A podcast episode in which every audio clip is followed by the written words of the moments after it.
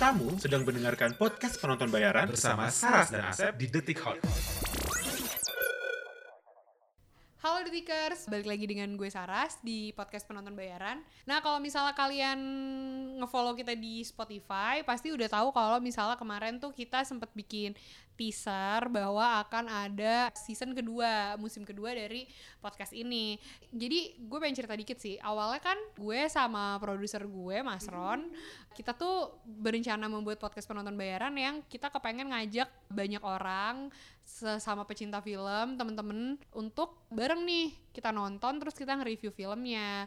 Nah, konsep itu udah berjalan beberapa kali di episode eh di musim pertama. Sayangnya nggak lama setelah 2020 berlangsung ini kan tiba-tiba ada pandemi yang tidak disangka-sangka nih yang bikin bioskop ditutup dan kita semua susah untuk pergi ke bioskop bareng sama teman-teman yang jadi pendengar penonton bayaran. Jadi gue sekarang di musim kedua ini punya seorang penonton bayaran tetap yang namanya Asep. Siapa sih Asep ini? Coba dong Asep perkenalkan diri. Halo, saya Corona. Kok saya corona? Takut juga. Karena datangnya baru di musim kedua gitu kan. Di akhir-akhir musim itu baru nongol gitu dan jadi sosok yang ada gitu, ada terus-terusan gitu dampingin Saras di penonton bayaran ini gitu. Jadi lo mengibaratkan diri lo sebagai corona yang tiba-tiba datang di pertengahan 2020 ini. Oke, jadi episode pertama gue sama Asep ini kita mau bahas apa nih, Sap? Kita bahas film Indonesia yang pertama kali dirilis di Netflix ya. Eh, kedua dong. Kan Oh, yang kedua. pertama The Night Come For Us ya? Oh ya, yang kedua dirilis di Netflix. Yaitu Guru-guru Guru-guru gokil. Gokil, Crazy Awesome Teacher. Asik.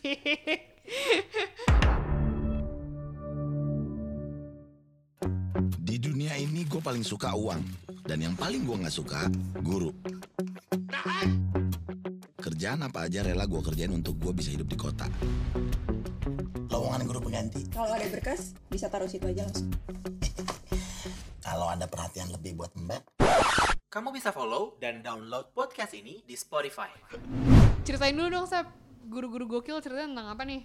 guru-guru gokil tuh kalau misalkan kayak fans Gading Martin sih kayak lu nggak bakal nggak bakal apa ya nggak bakal kecewa lah ngeliat penampilan Gading Martin gitu. Jadi Gading Martin di sini itu jadi kayak bisa dibilang sih hampir kayak dirinya sendiri gitu dengan kekonyolannya gitu kan. Tapi dia menempati posisi taat pribadi yaitu anak dari seorang guru yang namanya Purnama. Purnama jadi anak guru ternyata nggak seasik itu dan nggak seenak itu gitu kan.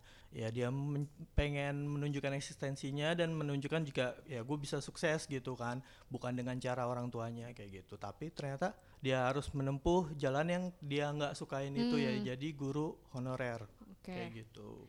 Guru-guru gokil ini disutradarai sama sama Ria Simanjuntak. Dia sebelumnya pernah menyutradarai Demi Ucok, terus dia pernah menyutradarai Cinta T-nya gede yang Ya, apa Cina- Cina, Cina Tuhan Cinta. Anissa itu. Terus habis itu dia pernah menyutradarai Sesat juga. Jadi udah ada beberapa filmnya. Terus naskahnya ditulis sama Rahabi Mandra. Rahabi Mandra itu kalau nggak salah pernah dapat FFI juga ya penulis skenario terbaik dan jadi sutradara film juga. Terus produsernya ini yang udah di- sering diomongin, produsernya Dian Sastrowardoyo dan ada namanya Shanti satu lagi. Jadi Shanti sama Dian Sastrowardoyo ini jadi co-produ kayak co-producing gitu di film Guru-Guru Gokil ini. Nah kayak yang Asep udah cerita, eh, jadi si taat pribadi ini kan akhirnya jadi guru honorer di sebuah SMA. SMA di, di daerah Kayak di desa gitu lah ya. desanya dia lah tempat tinggal Nah, ketika dia jadi guru ini, si Taat ini ketemu sama yang namanya beberapa guru lain. Itu Bu Rahayu, yang main itu Faradina Mufti, terus Bu Nirmala, yang main itu Dian Sastro.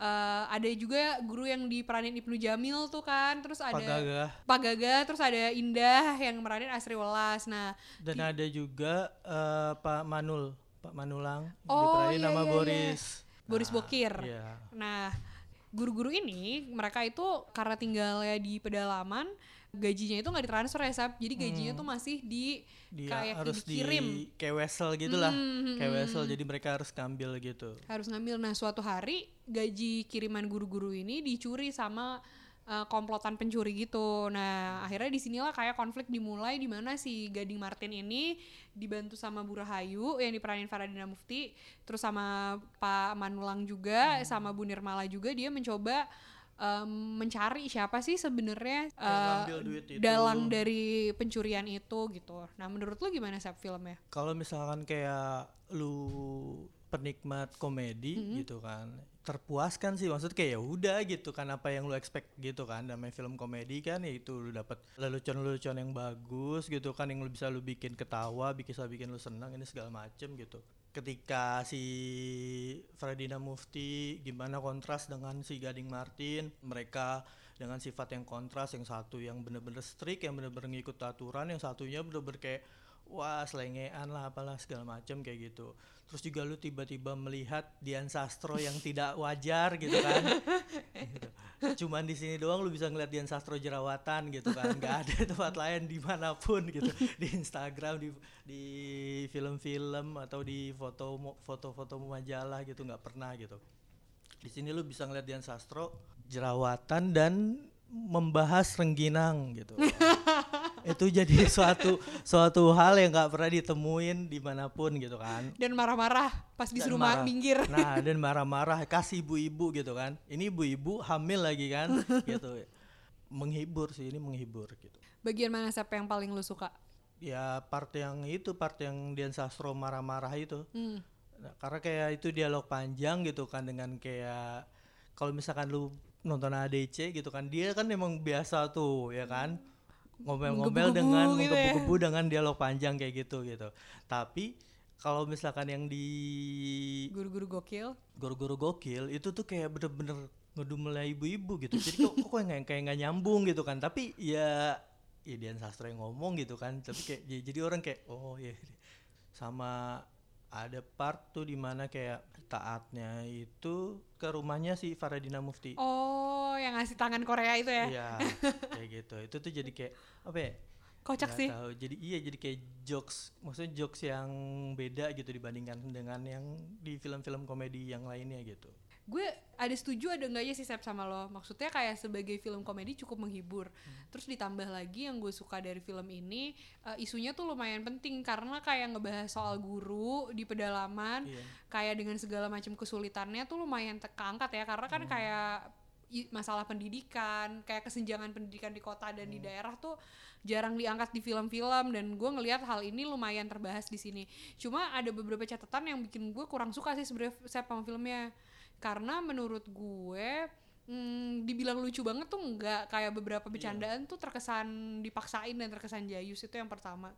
Terus yang kedua gue tuh nggak ngelihat kayak ada jadi kayak nanggung gitu loh. Lo mau dramanya kurang komedinya kurang dramanya juga kurang. Maksud gue kayak eh, Gading Martin itu kan kayak harusnya punya alasan yang kuat kenapa dia kesel sama si Pak Pur kan kenapa sama bokapnya ternyata kan eh, disebut di situ kalau misalnya bokapnya tuh terlihatnya baik cuma baik sama murid-muridnya tapi Iya. sama Gading Martinnya berjarak Malah nah hal-hal kayak gitu tuh menurut gue kurang ke explore sih di situ Terus ada beberapa adegan yang menurut gue nggak make sense kayak yang pas adegan terakhir tuh yang si Ipangnya mau dijatuhin dari cincin yang cincin itu, Iya. yang Ipangnya mau dibunuh Ah, sama si Pak ah, Li, ah, ah. itu kan si gading tiba-tiba cuman karena ditukar duit ya kan Iya, yang habis- duitnya dihambur-hamburin Hmm, kan. hmm. Nah itu tuh gue inget banget, itu guru-guru yang lain kayak si Bu Nirmala, Bu Hmm, Rahayu, sama Pak Manul tuh udah di bawah. Tapi kenapa pas si Gading Martin sama Ipang turun, mereka berlima tuh berjejer keluar dari pintu Iya, gitu. Menurut iya. gue itu nggak masuk akal. It- itu kan kayak superhero Iya superhero kan? itu kan kayak misalnya superhero landing gitu kan kayak kalau Hmm, misalnya di Avengers gitu jadi kayak tiga ti- tiba-tiba mereka muncul itu barengan gitu Iya, tapi Kayak jadi gitu. Hmm. nggak make sense karena mereka udah di bawah gitu loh. Nah, ya, terus habis itu beberapa adegan tuh terlalu dipaksain sih, Iya. kayak kenapa Pak Li begitu kejam, terus digambarin dia kayak serakah, terus kayak yang, eh duit itu nggak penting. Tapi kenapa dia nyuri kalau duitnya nggak penting? Hmm. Kan kayak eh, jadi kayak ada yang kontradiktif gitu Iya. di cerita itu. Beberapa cerita tuh kurang make Mak- sense aja. makanya beberapa review gitu kan Hmm. kayak misalkan dari yang media luar gitu Hmm. kan dari yang South China Post gitu kan atau uh, India Times of India itu nulis soal Crazy Awesome Teacher ini jalan ceritanya sebenarnya absurd Ah. kayak gitu jadi mereka nulisnya bilangnya absurd gitu dan menurut gue ya kenapa mereka bilang itu absurd karena ya memang si ceritanya ini kayak apa ya kayak bener-bener fiktif banget gitu. Ini tuh bener-bener fiktif banget ini gitu. Dan terlalu banyak hal yang pengen dimasukkan di situ sehingga jadinya itu kurang fokus gitu kan. Lu mau ngangkat isu apa? Isu antara anak sama orang tua kah? Isu guru-guru di pedalaman kah? Gitu kan. Atau justru malah kayak isu gimana eh, kekompakan murid sama guru gitu kan. Gimana cara un- untuk anak nakal ini kita pendekatan guru kepada anak-anak nakal kayak gitu kan mau ngangkat apa gitu kan. Itu jadi jadi hal yang jadi hal yang maksudnya kayak diambang semua itu diambang gitu. Porsinya dikasih semuanya tapi Kurang kayak kurang. semua. nah iya jadi kayak nggak ada yang stand out gitu. Ah. makanya gue juga ngeliatnya juga kayak gitu. Jadi kayak kenapa kenapa ini kayak gini kenapa ini kayak gini gitu kan. Kayak pendalaman karakternya kurang gitu kan. Kok nggak nggak nggak- nggak terlalu dijelasin lah gimana ini ini, ini segala macamnya gitu kan. Gitu. Banyak hal banyak hal yang sebenarnya ya apa ya kayak kayak kurang aja gitu. Gue gue pengen tahu nih gitu Bu Nirmala ini kenapa gitu kan? Sama suaminya, suaminya kenapa? ninggalinnya kenapa? iya kenapa? Terus Bu Nirmala sama si Pak Ma- Manul, Manul, itu ini ada jadi apa? iya ada apa jadi kayak gimana ini segala macam gitu kan kan kasihan kan Boris kan da- baru baru pertama kali ya loh jadi Boris jadi Bokir jadi iya, pacarnya Dian jadi pacar Sastro. Dian Sastro loh Cuma di sini Cuma di bisa lihat Boris ya Bokir. kan? Biasa Gila. niksap ya kan? berarti dia kan sebanding sama Nikola Saputra ya kan sama Oh Oka sama Oka Antara ya gitu kan sama tar, apa Tora Sudiro gitu makanya jadi kayak kenapa gitu ini dan adegan romansnya justru gue malah lebih seneng kalau misalkan ba- dibanyakinnya itu antara Pak Manul dan Bu Bu Nirmala, Nirmala. Karena Bu Rahayu sama Gading tuh Iya. emosinya juga kurang banget gitu. Nah iya itu itu kayak apa ya? Kayak pasangan yang apa sih kayak yang satu malu-malu kucing, yang satu kayak eh, gue mau tapi kayak nggak mau ah gitu. Gue mau mau mau ada sesuatu yang gue kejar dulu kayak gitu loh gitu. Jadi kayak romansanya tuh kayak kayak kurang Tanggung. dapet aja Hmm. tanggung aja gitu. Justru malah lebih kayak lebih gue rasa lebih bagus dan lebih lucu antara Bu Nirmala dan Boris Bokir gitu. Karena Dian Sastro dan Boris Bokir gitu. Iya. Tapi gue ada satu tokoh nih yang menurut gue bukan gimana ya. Ini ibarat kalau kata nasi goreng ini udah kayak acar gitu. Iya. Alias kalau nggak ada juga nggak apa-apa gitu. Kan kalau yang lain kan mungkin kayak nasi gitu. Kalau nasi goreng nggak ada nasi ya kali nggak ada. Ini masalahnya udah kayak acar di nasi goreng gitu. Ibarat kalau nggak ada nggak apa-apa. Pak Gagah gitu loh si Ibnu Jamil nih. Dia ganteng tapi disia-siain banget cuy sama guru-guru gokil udah munculnya dikit, tiba-tiba resign. Gue maksudnya kayaknya itu tuh awalnya mungkin maksudnya itu buat ngecoh kali, biar kita curiga nih diarahinnya pengen ke Pak Gagah. Biar kita semua curiga Pak Gagah kok dia tiba-tiba resign. Jajan dia nih pelakunya kayak pengen di twist kayak gitu gue rasa. Tapi kan maksudnya kayak alibi dia itu kurang gitu. Iya. Alibi Pak Gaga itu kurang gitu. Di awal cuma nongol cuman set nyenggol doang ya kan. Kasihan banget cuy Ibnu Jamil disia-siain. nyenggol doang terus dibohongin ya kan di, dipalak duitnya lima puluh ribu gitu dipukul pakai bangku gitu makanya jadi kayak kalau misalkan dia maksudnya biar jadi konflik atau misalkan jadi ada misalkan Hmm. Kita persaingan curiga, cinta gitu kan kan di awal di, dikesankan kan kayak persaingan Persaingan cinta, cinta, kan. gimana dia ngeliat sinis kepada Gading Martin waktu ngedeketin Bu apa namanya iya Eh Farida Bu Rahayu. Bu Rahayu gitu kan. Makanya kenapa oh kenapa cuman jadi kayak gini doang gitu ini ini. Makanya kayak ya bener porsinya semuanya ya itu tadi kayak dikasih kasih kasih kasih gitu. Tapi ya jadi orang jadi bingung apa yang sebenarnya mau gua ini nih gua Iya. nikmatin kayak gitu. Makanya kalau gua bilang ya kalau misalnya lu suka komedi lu cuma mau tahu ya udah nggak apa-apa nonton aja gitu. Nggak usah dipikirin nggak usah nggak usah nggak usah di nggak usah dibebanin gitu. Ini gimana ini gimana. Nggak usah udah lu mau lihat Dian Sastro jerawatan gitu kan ngomel-ngomel gitu kan hamil ya udah di situ udah gitu aja gue ngelihat si siapa namanya Ibnu Jamil ini jadi kayak antara satu tuh mau nge-twist itu atau kayak dia justru mau ngegambarin kayak segini parahnya loh kondisi pendidikan di daerah di Indonesia. Akhirnya si Ibnu Jamil aja yang guru teladan nyerah. Cuma itu juga nggak dapet. Gue tuh kayak ini Ibnu Jamil mau ditonjolin jadi twistnya atau mau nunjukin kayak potret pendidikannya itu dua-duanya menurut gue sama-sama nggak dapet. Nah sat- salah satu adegan yang gue lumayan suka banget di guru-guru gokil itu adegan pas si Pak Purnama sama Gading Martin tuh masih taat ada di kayak long shoot di shoot dari jauh terus kayak ada dua jendela gitu yang satu Oh, di si Naga Bonar, nah Naga Bonar. itu gue suka banget tapi sedangkan itu mirip banget sama adegan Naga Bonar jadi Naga dua Bonar. pas yang Deddy Miswar sama Tora Sudiro Iya. gue gak tahu tuh apa itu emang sengaja bikin tribute to Naga Bonar di tengah-tengah film atau kayak emang mau nunjukin formula yang mau pakai formula yang sama cuma kayak karena itu satu-satunya di only good things yang gue suka di film itu jadi kayak ya kenapa jadi mirip Naga Bonar sih enggak karena kayak apa ya ya itu momennya hampir sama momen agak bonar gitu Hmm. Ya, di saat kayak konflik antara ayah sama anak ya mungkin agak sedikit ada inspirasi dari situ Hmm. mungkin ya gitu kan gue nggak tahu gimana sutradaranya sama art directornya gimana ini segala macem sama DOP-nya gitu tapi yang gue tangkap sih ya yang salah satu film Indonesia ngegambarin bagaimana perselisihan anak dengan orang tua gitu kan. Bapak dengan iya anak laki-laki. dengan visual visual yang kayak wah gitu kan yang kita ingat-ingat terus ikonik lah gitu. Ya itu naga bonar gitu. Makanya Iya, jadi iya, mungkin aja. Ya udah gue mau sweetnya kayak gitu. Mungkin ya. Mungkin mungkin. Kayak gitu. Sebenarnya yang rada aneh tuh di sini kan guru-guru gokil ya. Hmm. gitu. Tapi nggak ada adegan eh, mengajar. Ada sih. Cuma cuma gitu doang. Cuma sekilas doang. Dan chemistry antar guru sama muridnya pun tadi gue sempet bahas sih sama Mas Ron sebelum rekaman jadi kayak pas si Gading Martin sama Pak kan Pak Pur pensiun Gading Martinnya pergi kan Hmm.